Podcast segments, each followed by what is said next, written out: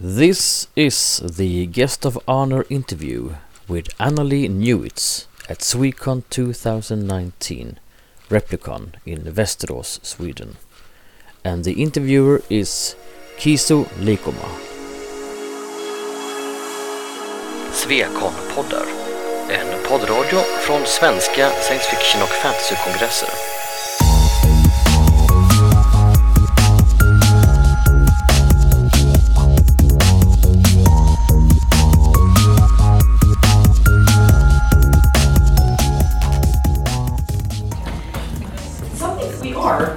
Set and could uh, get started. So good afternoon, good evening, everybody. I am Kisla Ekoma, and I am here to interview. I guess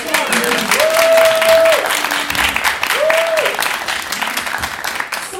Let's start with a really easy question. You know, who are you?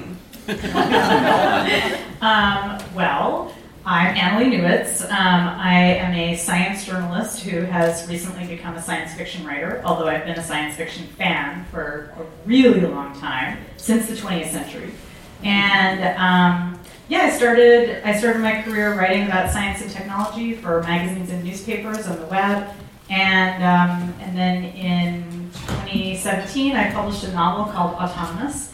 Um, and now I'm hooked. I'm just like, I'm so, I have a new novel coming out in a couple months, and I'm already signed up with my publisher to write two more novels. So you're stuck. I'm going to just keep writing novels from, from here on out. So let's start from the beginning. Let's talk a little bit about your childhood. Did you did you read any like science fiction authors then? Do you have any science fictional fandom background from when you were a kid? I do. I mean, I, I was a voracious reader when I was a kid, and basically what happened was, you know, my mom would take me to the library every week, and I read the entire kids section, or everything I was interested in in the kids section, and I wasn't really ready for the grown-up section. And then the super nice librarian, I never, I'll never know who they were, set up right in between the kids section and the adult section this one little shelf that said science fiction. And there was a book of short stories in it called Mutant, um, edited by Robert Silverberg. And I immediately picked it up. I, I was like, I, I very much relate to the title. Um, and so that was my first science fiction I ever read, which was this collection of short stories, and they were really weird and disturbing and amazing. And so then I read that entire shelf uh, that summer and just kept going. And that was, um, yeah, I was so interested in science fiction that my parents, who were both English teachers, were worried that I would never get into grown up literature. Um, so, yeah, they were, that was a source of great concern in our family was, you know, would I ever read Jane Austen instead of, um, you know, science fiction? So I never did actually. Going to ask about that. Did you ever get into proper literature? um, well, I never did read Jane Austen. Um, sorry, mom and dad. But um, uh, yeah, no, I, I went to school and uh, got a degree in English literature and got my PhD in English literature. Um, but I, while I was doing my PhD, I did uh, an interdisciplinary degree in American Studies. So I managed to write my dissertation about monster movies. And um, yeah, monster movies. And and so um, you know, I did read a lot of proper literature, and I do like it, but I prefer science fiction, um, and I prefer uh, just genre fiction in general. Um, I think it's just a one of those things where it just appeals to me more. Mm-hmm. Yeah, obviously nothing wrong with that. You know, I feel yeah, I feel like I'm in a safe space, I can admit that. exactly. Uh, you, as you mentioned, you are a journalist. Uh, you mentioned also that you have a background in English. So when did you decide to become a journalist? When did I transition? Yeah. Um, Do you, do you have an education in journalism? Let's. I don't. well. I have no education in journalism whatsoever, um, and I. It was actually kind of a rocky transition because I. I was in academia. I was looking for academic jobs, which um, some of you may know is impossible to do. And this was at a time when I had been educated to believe that all I could do was become a professor, that there was no other option to take my PhD somewhere else with some kind of crazy, terrible thing. Um, but there were not very many jobs, and I was really interested in technology, and I had been doing um, what now is called digital humanities uh, when I was uh, a grad student. I had created a, an online publication, and I had done a lot of uh, work online and uh, during the early internet and or early web, I should say. And so I started looking for jobs writing about technology for newspapers, and it wound up being much easier for me to find paid work as a journalist than it was to find paid work um, as a professor. And also, it allowed me to stay in San Francisco, which is a city I really love. And so, um, you know, I made the pragmatic choice to become a full time writer. And um, so it took me about two years where I was teaching part time and doing journalism part time, but eventually uh, I, I, did it. And um, it was basically, I got to use all my skills, um, you know, as an academic, but kind of give them to the general public. So it was, it was pretty good. I got really lucky you've also worked as a teacher, because that is something that in your podcast, which I will be asking more about later, you refer to teachers being appreciated quite a lot, and that was something that resonated with me, being a teacher, quite a lot. So I kind of wanted to ask about that. Yeah, well, as I said, both my parents were teachers. Um, my mom taught uh, junior high school and high school, and my father taught at a community college, which is a, a two-year uh, college. And so um, I was brought up to respect teaching, and um, and I wanted to be a professor. So I spent a lot of time when I was in graduate school. I worked my way through school by teaching, uh, teaching uh, college students, and and then I did work as an adjunct professor, and I loved it. I mean, teaching is fantastic, and it is, of course, especially in the United States, it's very undervalued, and teachers are paid very little money. Uh, and where I live now in San Francisco, there's been uh, a lot of uh, political discussion in the city around the fact that teachers don't make enough money to live in the city where they teach. And um, that to me just seems absurd or criminal. And um, yeah, I mean, it's one of the most important jobs you can do. I mean, you're, you're exposing people to new ideas and creating educated people. So um, yeah, it's, it's a it's an eternal mystery and kind of sad part of human civilization that we neglect this incredibly important job. But we also don't think that being a mom is a very important job either. So, you know, there you go. That's why we're here, where we are now. Exactly. Uh, but after being a teacher, you did journalism. Uh, you've been both a science journalist but also a culture editor. Is there a difference? I think you can be bi. you can, you know, do culture and science, and um, I'm actually super interested in seeing the overlap between the two. Um, like I said, I, I studied uh, an interdisciplinary field. I was really interested in in my in my uh, academic work. I was interested in representations of science in the media. Um, and then I, I, went on to create representations of science in the media. And so to me, the two things have always really been linked. And um, I'm always happiest when I'm in a place where um, you see science and culture and technology interacting and, and, mutual respect between the areas because I do think there is a lot of mistrust on both sides. Um, and I think uh, that's really unhelpful. I think the best stories and the best inventions come out of that space in, in between. So it's not just technology or just culture, just the mashup of both. Yeah, I mean, which is the world that we live in, right? I mean, mm-hmm. we live in a world where culture is produced by technology, where you know science is affecting culture, and so I think that it, it is most interesting to kind of think about where those things come together. And it's also a way of thinking about how science and technology affect human life and affect our, our intimate uh, relationships and things like that. So, and that's that's where storytelling comes from, is where we, we think about these larger scientific transformations and then we kind of drill down and we say like, well, how will people respond? How will civilizations respond? Um, and that's, again, that's where the stories get interesting. That's absolutely so true. And I could ask about this and education more, but that's a discussion to be had at the bar later. but let's move on to something similar but also different. IO9, founded in 2008.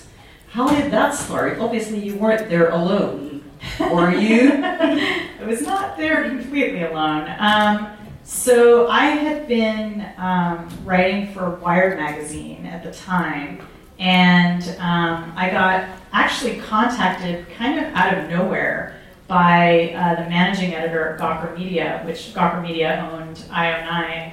And he said, Yeah, my boss is wondering if you want to make some kind of science fiction website and uh, some kind of blog. And it was very vague, and I was um, a little confused by what they were asking. But I said, Sure, I'll have a meeting with you. And that was in early 2007. And so, fast forward to like later that year, um, finally, we had kind of hashed out what we wanted to do for the blog.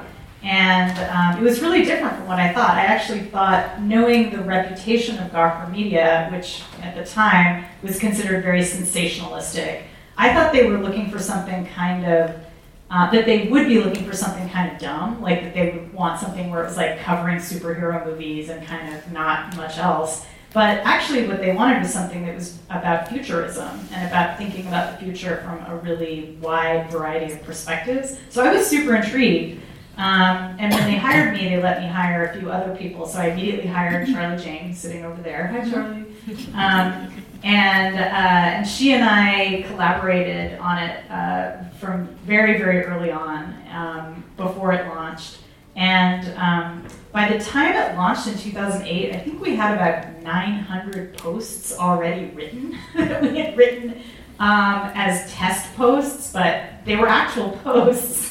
Um, they were actual articles, um, and we, we had had a bunch of other people helping out. And so when it launched, people were really shocked. They were like, wait, has this been around forever? And it was like, no, we've just been working on it with no one reading it for a really long time. Um, so it was nice when people were finally reading it. Um, that was exciting. so the thing that was great about IO9 was that we got to bring together science and culture. And that was really um, the way that Charlie Jane and I approached it was that I was sort of heading the science coverage and she was heading the culture coverage. And of course, we talked all the time about how those two things would go together. But it was really important to me uh, from the outset that it would always have very good science journalism, not sensationalistic, not based on some crackpot idea, but actually based on scientific publications, based on talking to scientists, based on taking a skeptical perspective on how science was being represented, even in the papers themselves. Um, and so I did a lot of training people up to be science journalists while I was at IO9. Um, a lot of people who worked for me now have gone on to work at, at other science journals and stuff. So, um, so yeah, it was a big turning point for me. It was probably the most, um, the biggest audience I'd ever had. You know, millions of people were reading it, um, and it was it was great. It was a big. Um, it, it allowed me to kind of shift from doing just kind of isolated bits of science journalism to really bring it to um, a big audience in a, in a consistent way. So it was, it was great. So you would say it was a learning experience?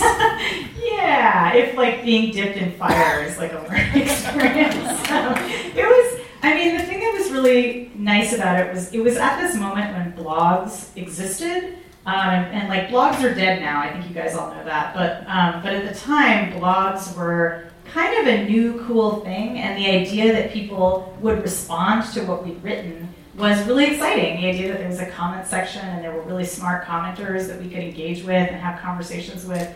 Um, it was it was kind of before a lot of the terrible things that happened on the internet, and so it was um, it was a lot like teaching. It was like teaching the smartest students ever basically. And so we would post something, and then people would come in and ask questions, and we could have conversations. So it was a learning experience, but it was also an introduction to a community, and that was what I really liked about it was that we kind of formed this community of people. Um, and you know, I still run into people sometimes who are like, "I'm an IO9er," and I'm like, "Yay!" So, um, and it is also what inspired me to start writing science fiction. So that was a pretty good deal. So like golden age of blogging. It was the golden age of blogging, and then many things changed. I think the internet changed, social media changed. Um, you know, it was just uh, it's now. I don't think you could have something like IO9 now. I think it, you couldn't really launch something like that. It would just have to look really different. Uh, you worked for IO9 for a fairly long time, and you were also the editor of Gizmodo. Yep, Gizmodo, which was also part of Gawker Media. So it was a it was a network of different blogs um, back when blog networks were a thing. Um, and yeah, I ran Gizmodo for about I think a year and a half or something like that. And uh, it was at a time when we were consolidating Gizmodo and IO9, so it was really just a way of kind of continuing to be involved with IO9. But that was um, Gizmodo is devoted to science and technology, so um, so I got to kind of get back to my roots doing technology and science writing. But then you gave them both up. And I know. why? why would you do that? And what did you do then? Well, okay, so blogs died. Um, and so, uh, but also, uh, I really wanted to write books. And so I, um, I had an opportunity to uh, start devoting myself really full time to working on books. And um, I got a lot of book contracts. Um, and so I spent a couple of years kind of putting some books together and um, doing some freelance technology writing and science writing. And, um, and now that's what I'm doing. I'm, I'm writing books and I'm freelancing uh, for magazines and newspapers, and uh, it turned out well. Being a freelancer is a little bit nerve wracking, um, as some of you may know. Uh, but um, yeah, that was why I left to kind of to just get away from editing, basically. um, I, I love I love the part of editing that involves curating, like getting a lot of voices to become part of a publication. Um, but I'm less interested in kind of editing people's sentences. I like writing my own sentences. So I wanted to get back to writing my own sentences. So let's talk about your own sentences. let's talk about Autonomous, which obviously is a wonderful book. And if any of you have not read it, uh, please go ahead and do. Would you be able to summarize it for us in a couple of sentences? Um, so I often joke the book is just about gay robot sex, um, but it's actually about more than that. Uh, it turns out. Um, so it's it's about um, a world where uh, indentured servitude has become the norm, and so all of the characters in the book have been shaped in some way by by slavery or by having not been enslaved and it's about a pharmaceutical pirate who is uh, basically um, stealing medicine from wealthy corporations and giving it for free to people who can't afford medication. Uh, and she's being chased by a gender confused robot who's kind of falling in love for the first time, or maybe falling in lust for the first time. Um, so it's about um, sort of it's it's not a dystopia. It's a it's a topia. It's a world where some things are better and some things are worse. And so um, that was kind of fun to play with. And without spoiling anything, it's not as hopeless as maybe some of the other topias out there. Let's put it that way. Yeah, it's got a lot of hope. It, it does, it does. Uh, you mentioned in an earlier panel that you lied about the AI. yes, your bot, bot is a lie, but let's still talk about Paladin, who Yeah. is, as you said, gender confused bot. Where where did they come from? Uh, so I initially the the novel started with me wondering about robots. I had been researching a previous book, a nonfiction book um, about mass extinction, and as part of that research process, I visited a lab where um, researchers simulate earthquakes. So they'll take, um, they'll build a structure and then they'll subject it to physical forces that resemble an earthquake, either by shaking it uh, or, in one case, they have a thing called an action wall. And what it is is a bunch of robotic actuators, and they push on a structure. In this case, it was a one story building. And what they do is they imitate the force of an earthquake by subjecting it to all of this stress and pressure from different angles. And so then they see how the building cracks and they see kind of what the damage would be from the earthquake. So, you know, the researchers are showing me this and they're like, look at this cool building, it's all broken. And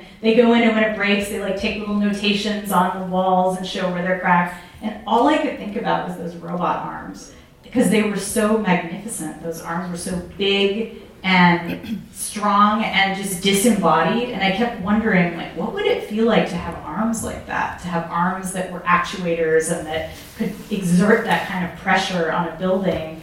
Um, and that was when Paladin was born. Was I kept thinking about how would that arm, those arms feel pain? And so I thought of that. I thought about this scene that actually shows up pretty early in the novel, where Paladin, the robot, is um, running up a sand dune and he gets sand in uh, one of his actuators, and he's feeling kind of the grindiness of the sand, but also um, he gets his arm shot off, which is also relatively painful. Um, and so, actually, there's a whole weird theme about robot arms in the novel. The arms keep getting shot off and upgraded, um, which is a whole other thing uh, that we could talk about. But um, but that's how it started, and I think that's why there's all these arms in the book because it started with me kind of wanting to feel those arms. Um, and so uh, Paladin's character was really the center of the story for me, and then I kind of built a world around him. And Paladin's gender uh, was not really initially part of the novel. Um, there's a really early draft of the novel that hopefully no one will ever see that was just kind of a really generic action story where it's just like a lot of murder and um, you didn't really sympathize with anyone. And so when I wanted to make Paladin a more sympathetic character, I realized that part of doing that would be having Paladin explore what it means to be in this really bulky body because Paladin is this huge mech. You know, he's he's got wings and lasers and guns coming out everywhere and like super bulky arms and like he's just he is huge. Uh, and everyone assumes that he's a he because obviously anybody bulky and huge with lasers in their chest would be a dude because um, like all dudes have lasers in their chest. Um, that's just how gender works, kids. Um, so I wanted I wanted to think about that because um, you know I've lived in this body my whole life, and people are always making assumptions about me and my gender based on how my body looks. And so I wanted to think about how that would be for a robot who really doesn't give a shit about gender and doesn't have to worry about gender and doesn't really have to conform to any gender expectations. Um, and so then that became a really interesting part of the plot for me is thinking about how humans are obsessed with gender and how gender would look to a person who didn't need gender and didn't have to conform to those gender stereotypes. And I think for Paladin, gender is just a user interface. You know, it's just a way that humans kind of interact with each other. It gives them shorthand for understanding what they think the other person might want or do. Um, and so she gets a chance to kind of play around with that, and that was really delightful when I got to have her um, switch her pronoun, but just remain completely unchanged physically. And I had so many readers say, wow, it really changed my perspective on Paladin. Uh, and I'm like, that's not the point. the point is that she's the same. Like, she's still big, bulky, laser chest person. Uh, but now she's a she, and so suddenly it really like see, suddenly people were like, wow, she could be a woman and all this stuff, and it's like, or she could just be a robot that you're calling a woman um, for your own weird reasons.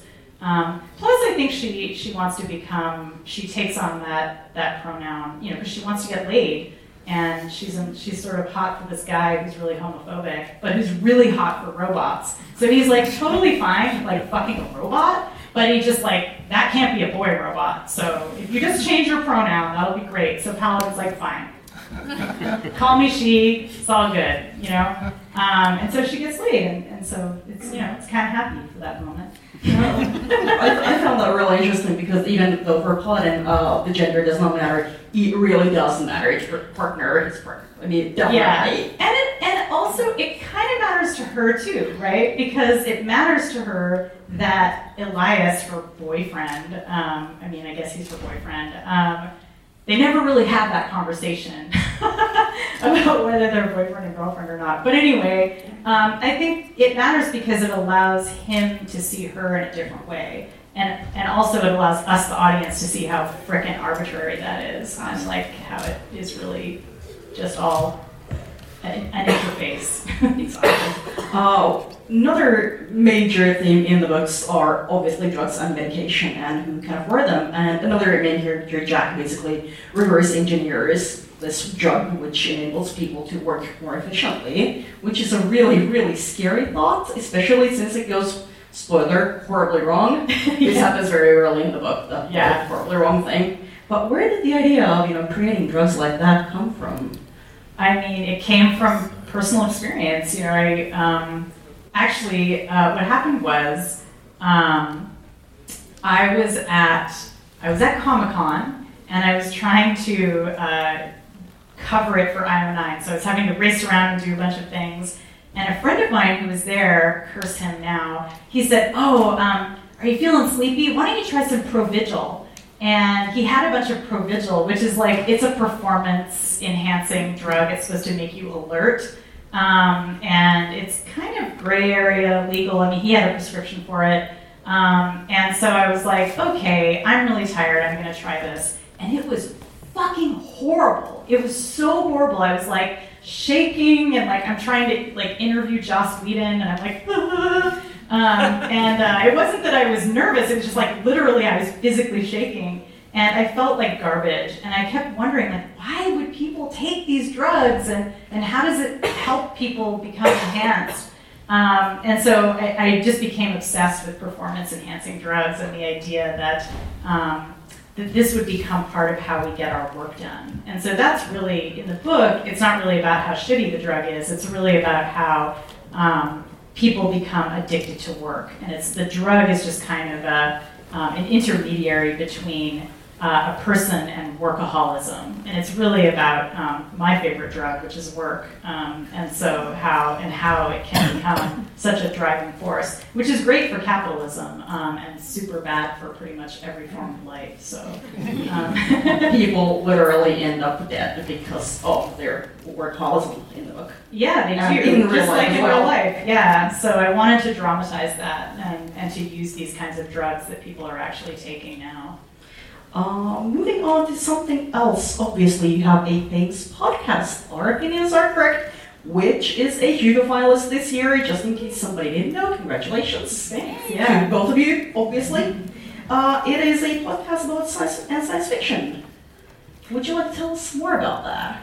Um, so Charlie Jane Anders and I um, do this podcast. We've been doing it for like a year, I want to say something like that. Um, and it was really because we missed doing IO9, and we always are having conversations about science fiction and science and um, and I was like, you know, this will be easy. We already talk about all this stuff anyway. We'll just go into my living room and record something. It was not easy.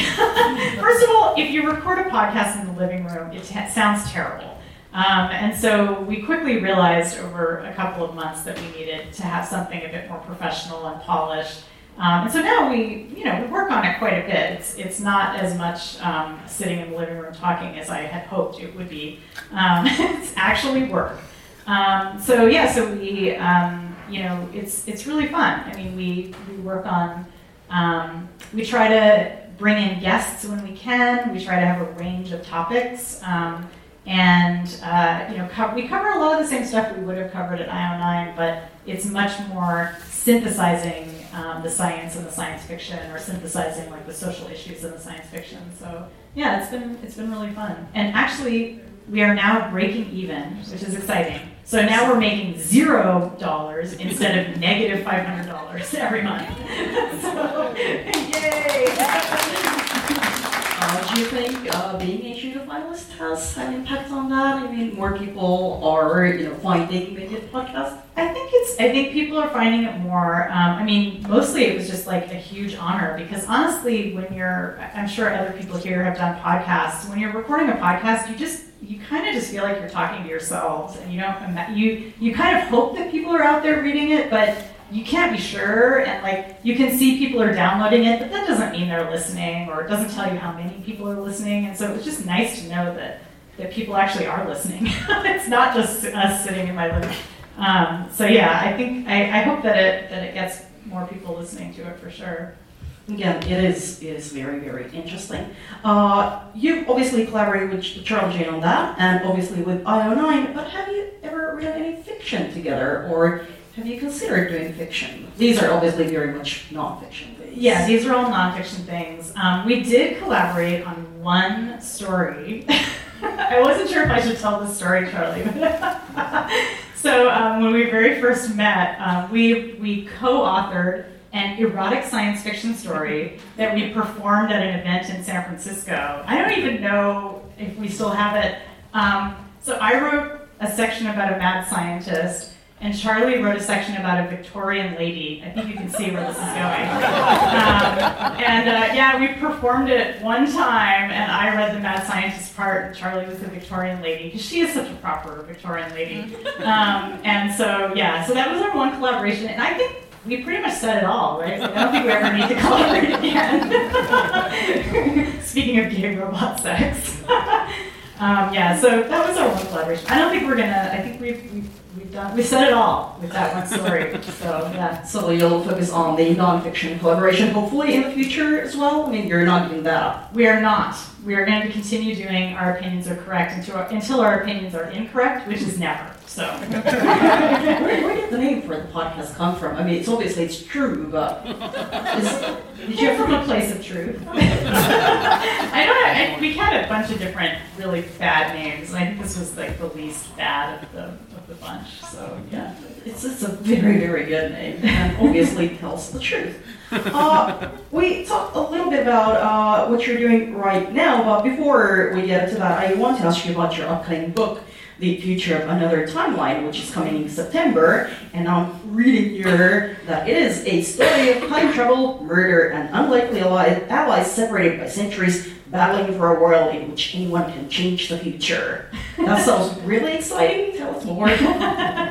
um, so, uh, yeah, so it's a time travel novel. Um, it's about uh, two women and their mysterious connection across time. Uh, one of them is a time traveler who lives in uh, about four years from now. She's a, a geoscientist uh, at a university because in this version of time travel, time machines uh, are discovered uh, built into shield rock formations, which are very ancient rock formations that date back about half a billion years and nobody knows where they come from, or even if they're actually machines, or maybe they're like natural formations. But because they were first found in rocks um, about 5,000 years ago during antiquity, um, geology has become the science of time travel. So there's a group of um, subversive feminist geologists who are using the time machines to go back in time and change history to make things slightly more safer for, for women's rights. Um, and the other character is a teenager who is stuck in time. She cannot travel in time. She's not a time traveler. She's living in the 1990s in a terrible city in Southern California called Irvine, where I grew up. Um, so there's coincidence. I don't think so. Um, and, uh, she's a punk rocker. She's a, a riot grrrl, and um, her best friend starts murdering uh, boys and men who are raping women and molesting women. And so they, she kind of, she's having to deal with this problem because when your friend, when your best friend becomes a murderer, it's actually uh, a pretty difficult emotional experience. And uh, so, uh, so anyway, so she's crossing paths with this traveler from the future, and part of the journey for the reader is figuring out how these two women have a connection.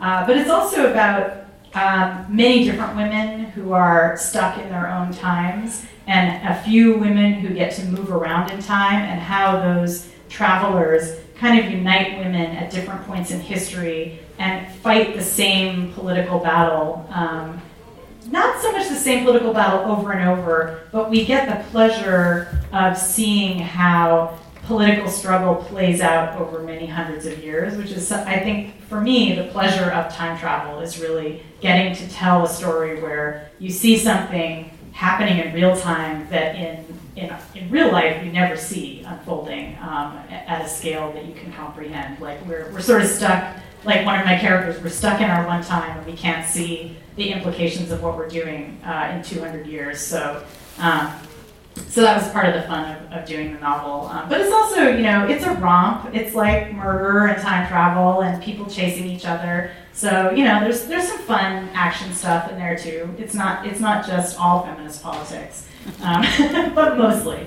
So nothing wrong with that. Uh, you also mentioned that you're researching something about ancient cities, archaeology, or something else entirely. Yes. So now that I am done with time travel. Um, I'm working on another nonfiction book, a science book um, that's coming out probably next year um, about why people abandon cities. And I'm looking at it's a book about archaeology and about um, archaeologists who are working on four different cities, uh, ancient cities that were abandoned, that were at one time kind of the center of their cultures, um, and and what were the causes for people leaving these great cities. And so I'm looking at cities like Angkor, um, I'm looking at a city in um, the Americas called Cahokia, which was a, an indigenous city that was built about um, 1100 years ago and has these massive pyramids made of earth.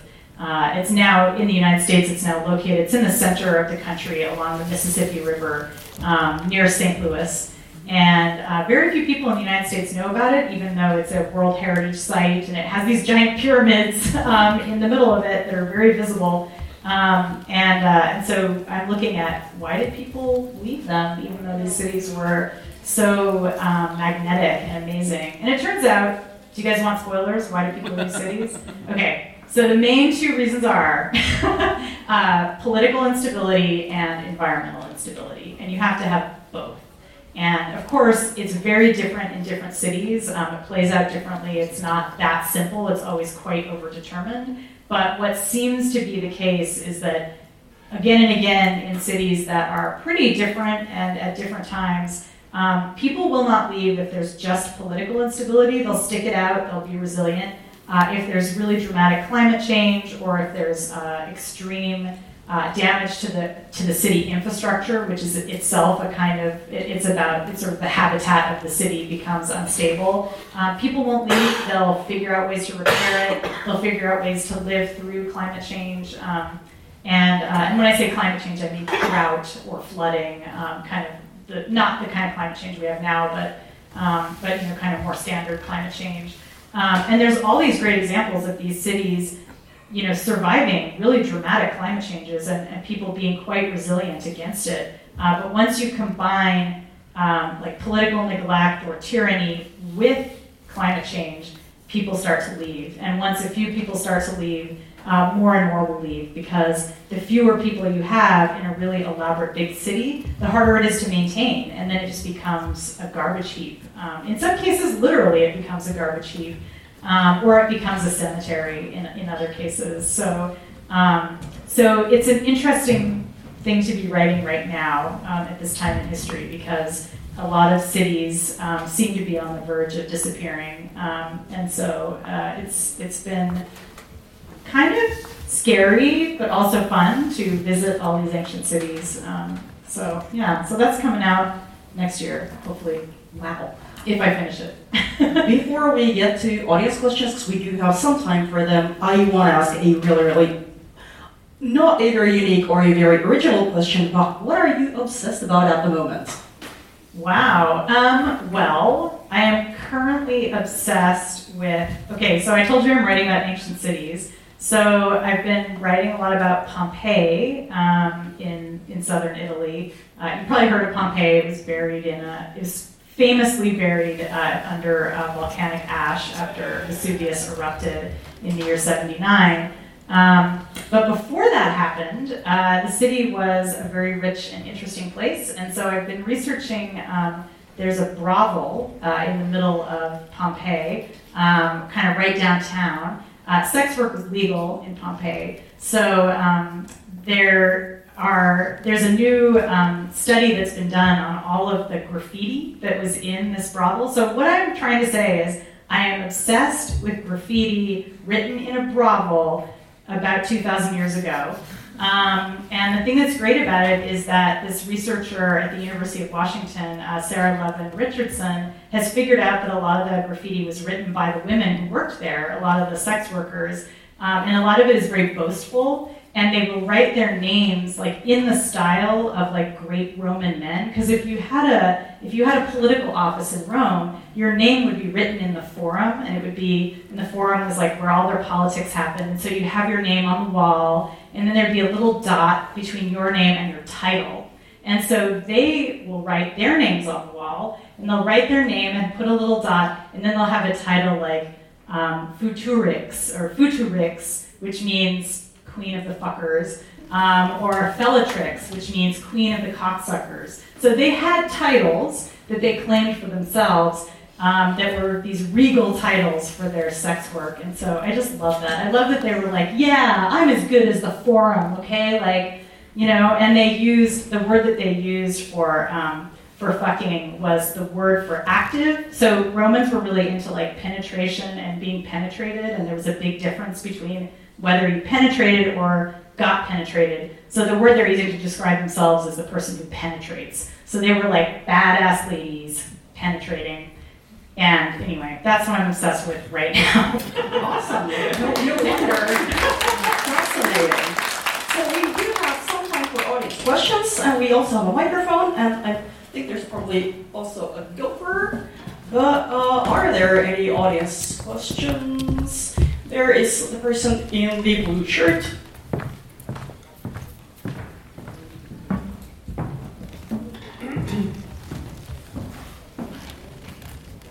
You, uh, sorry. In your book, you have slavery, and I was thinking about American slavery. Is uh, the twist with American slavery is the race that you have one race as slaves and not others. Mm-hmm. A couple of races, because um, uh, indigenous people were also enslaved. Oh. So yeah, but, but, yeah, they weren't white. Yeah. In your book, is not a uh, race is not a question for slavery. That's uh, my question. so is the question in, why or why? Um, well, I mean, in the book, uh, the division is a class division. So the people who are slaves are people who are poor uh, and who can't afford to pay to be part of a city or to be part of a, a group of cities. So um, I think, I mean, partly because I have been reading so much about ancient Rome, uh, where they also had slavery. Um, I was thinking about those kinds of slave systems. Um, and I was thinking about indentured servitude, which in the United States, there were a lot of indentured servants who were white or from all different places in Europe. So, um, yeah, so it's not like the American system uh, of slavery for African Americans. That was a very unique and, and, horrific system of slavery. And of course, in my book, slavery is also horrific, but it's just not that type of slavery. It's it's supposedly voluntary, which of course it's not, but that's the lie that they tell themselves. So yeah, so I wanted to kind of point out that that the line between the line between wage slavery, where you're kind of working a terrible job for money, and actual slavery is actually very permeable. And so uh, that was really what I was trying to call attention to. Any other questions? There is a person in the hat in middle. I can say my name.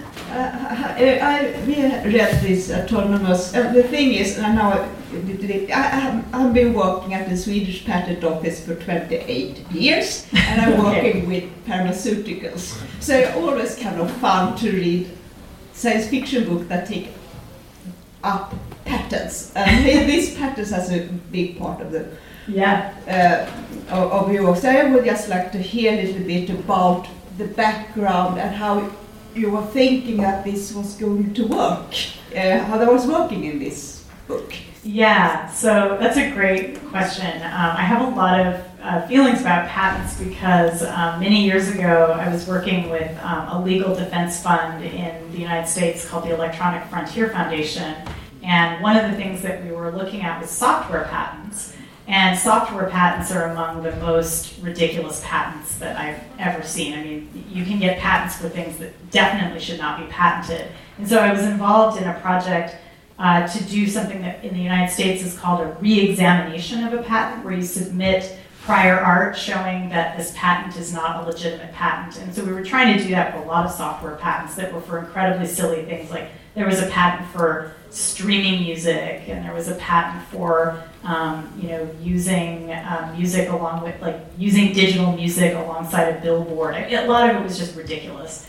Um, and so we did get some patents overturned, and so I started to think about how intellectual property is related to um, other kinds of property, uh, types of property like physical property, but also humans as property. And I wanted to have a character who was really engaged with questions around intellectual property and really understood how intellectual property uh, could impede innovation but also kill people. Because that's the thing about pharmaceutical patents is that it's not like with software patents, if a company has an overbroad patent, it isn't as if it's going to prevent people from getting medicine. It's just going to prevent people from getting some really dumb app or prevent somebody from innovating some other dumb app. Um, or maybe a great app, but still no one's life is on the line. Um, and so I wanted to be thinking about that, the way that intellectual property can turn from something that seems very um, divorced from uh, questions of life and death, but how it can kind of turn into questions of life and death. Um, but I also wanted her, I wanted her character to be kind of blind to the way other kinds of property cause death. And so throughout most of the book, she's really convinced that like changing the patent system will liberate humanity. And she's never really thought about the indenture system at all until she meets someone who's indentured. And suddenly she has to confront the fact that there's another system of property which is equally damaging, maybe even more damaging, and is actually kind of connected to intellectual property in a lot of ways. So I wanted to, my point is, and we're out of time, but my point is that I wanted to think about how all these different systems of property kind of work together, but kind of pretend that they're in separate spheres, but that ultimately they all end up affecting human lives really profoundly, even when we kind of pretend like they don't. So, but also I just think patents are really interesting. And um, yes, unfortunately, we are running out of time. You will be signing after this. So, like everybody, go buy Autonomous. get it signed. It is a fantastic book. And thank you so much for the Yeah, interview. thank you. Thank you. I'm happy to answer more questions. That's fine.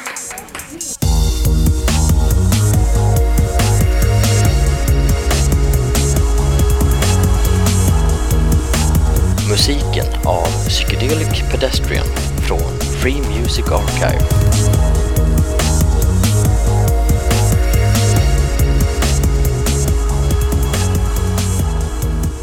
Gärna vår hemsida på svekonpoddar.se